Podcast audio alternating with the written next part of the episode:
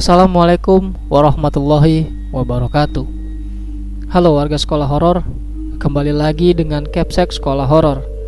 Apa kabar kalian semua? Semoga baik-baik saja ya. Di kisah kali ini akan menceritakan mengenai ada tangisan di kamar kosong.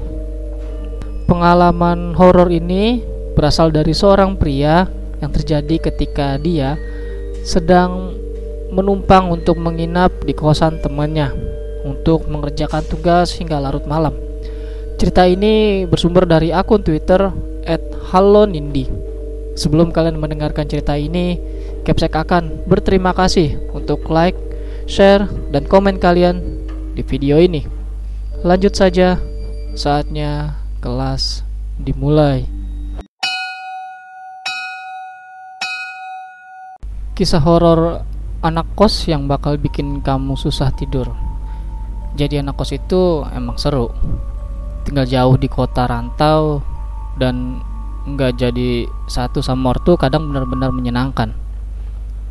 Anak kos terkadang bisa melakukan apa pun sesuka hati asal masih dalam batasan-batasan wajar. Dan justru hal-hal itulah yang mendatangkan pengalaman seru dan tak terlupakan selama ngekos. Nah, Salah satu pengalaman yang banyak dialami oleh anak kos adalah pengalaman horor, alias hal-hal mistis di luar nalar.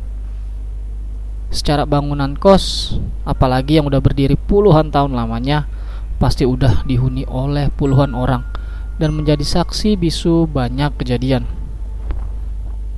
Cerita ini aku alami pas aku kuliah semester 3. Waktu itu tugas kuliah baru banyak-banyaknya tugas kelompok juga gitu. Ada aja tugas kelompok tiap hari. Hasilnya aku jadi sering tidur di kos teman-temanku buat ngerjain tugas. Karena aku ini asli orang sini jadi sebelum kuliah aku nggak familiar dengan yang namanya kos-kosan. Jadi ya ini pengalaman baru juga buat aku. Dan kos-kosan yang paling sering digunakan sebagai tempat mengerjakan tugas oleh kelompokku adalah kos-kosannya Bayu. Sebut aja gitu. Kos-kosan Bayu ini lokasinya nggak jauh dari kampus. Bangunannya besar dan kelihatan sih udah lumayan berumur.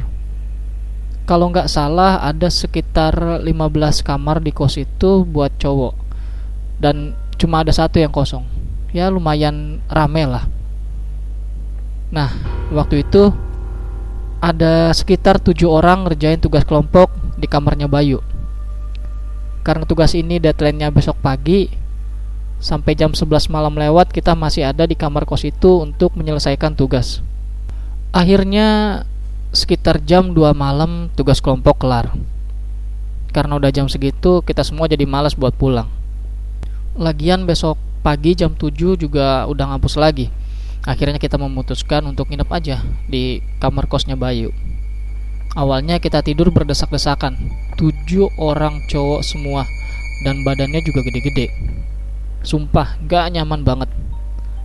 Hingga akhirnya Bayu punya ide. Kalau sebagian dari kita tidurnya di kamar kosong yang ada di kos itu.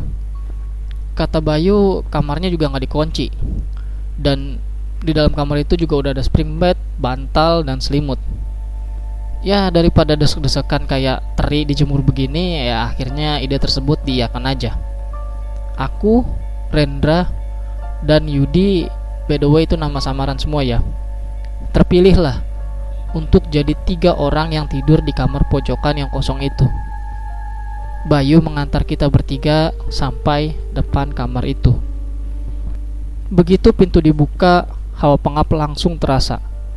Kayaknya emang tuh kamar udah lama nggak ditempati.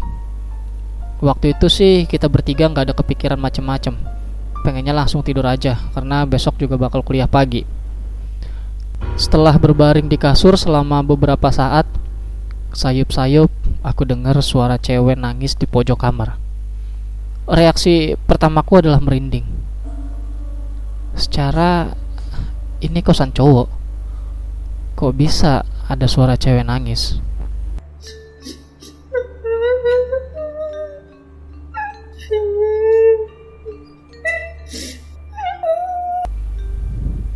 Aku langsung membangunkan Rendra dan Yudi di kiri dan kananku.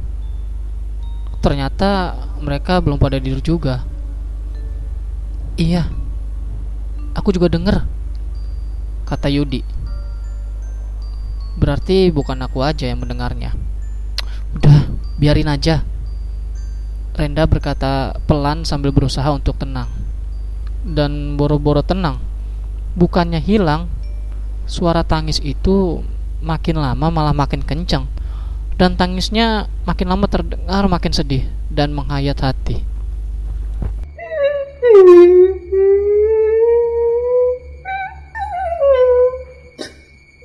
Aku berusaha baca doa singkatnya, tapi kok malah kayak orang kena amnesia.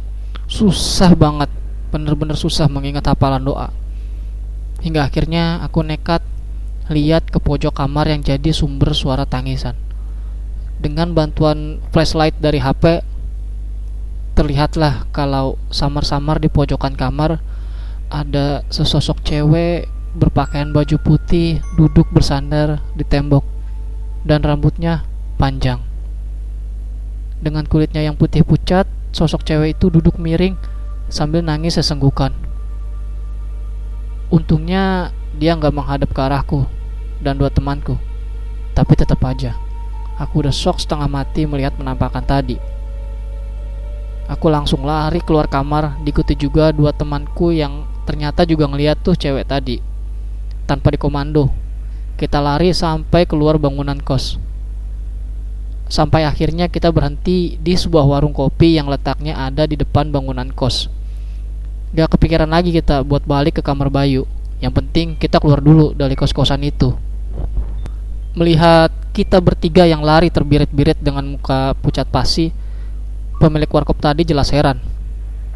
Akhirnya setelah tenang, aku menceritakan apa yang kita bertiga lihat tadi. Dan pemilik warkop nggak kaget atau gimana gitu sih malah dengan senyum-senyum menebak pasti kamar yang di pojokan ya dan akhirnya si bapak tadi cerita tentang riwayat kamar kos tadi jadi ternyata itu kos-kosannya Bayu dulunya adalah kos cewek sekitar 15 tahunan yang lalu ada seorang cewek penghuni kos yang bunuh diri dengan cara minum racun serangga Konon katanya karena putus cinta.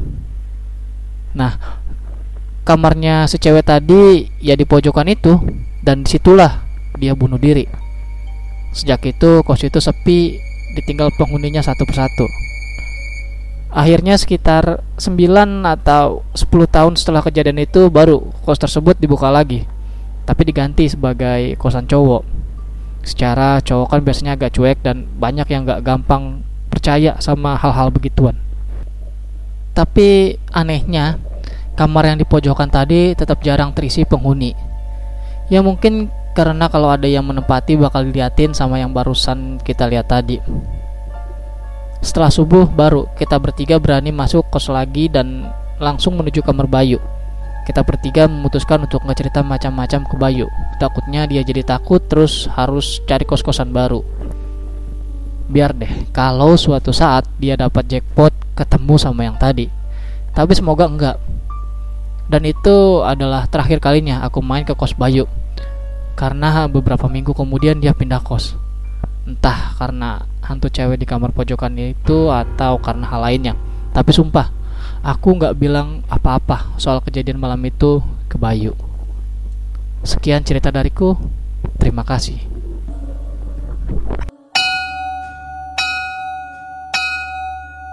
Dan itu dia cerita mengenai ada tangisan di kamar kosong. Kebayang gak sih ketika kalian tuh lagi capek-capeknya ya ngerjain tugas hingga jam 2 malam. Terus ketika kalian ingin istirahat namun kalian justru mendengar suara dan bahkan ditampakkan juga wujud dari makhluk penghuni tempat tersebut itu sih kalau capsek udah pasti lari dan nggak tahu bakal numpang nginep di situ lagi atau enggak gitu ya Terima kasih buat kalian warga sekolah yang telah mendengarkan cerita ini dan terima kasih juga kepada akun Twitter @halonindi yang telah memberikan kami izin untuk membacakan cerita ini. Jangan lupa like dan share video ini agar warga sekolah horor semakin bertambah. Dan sampai jumpa di kelas berikutnya. Assalamualaikum warahmatullahi wabarakatuh.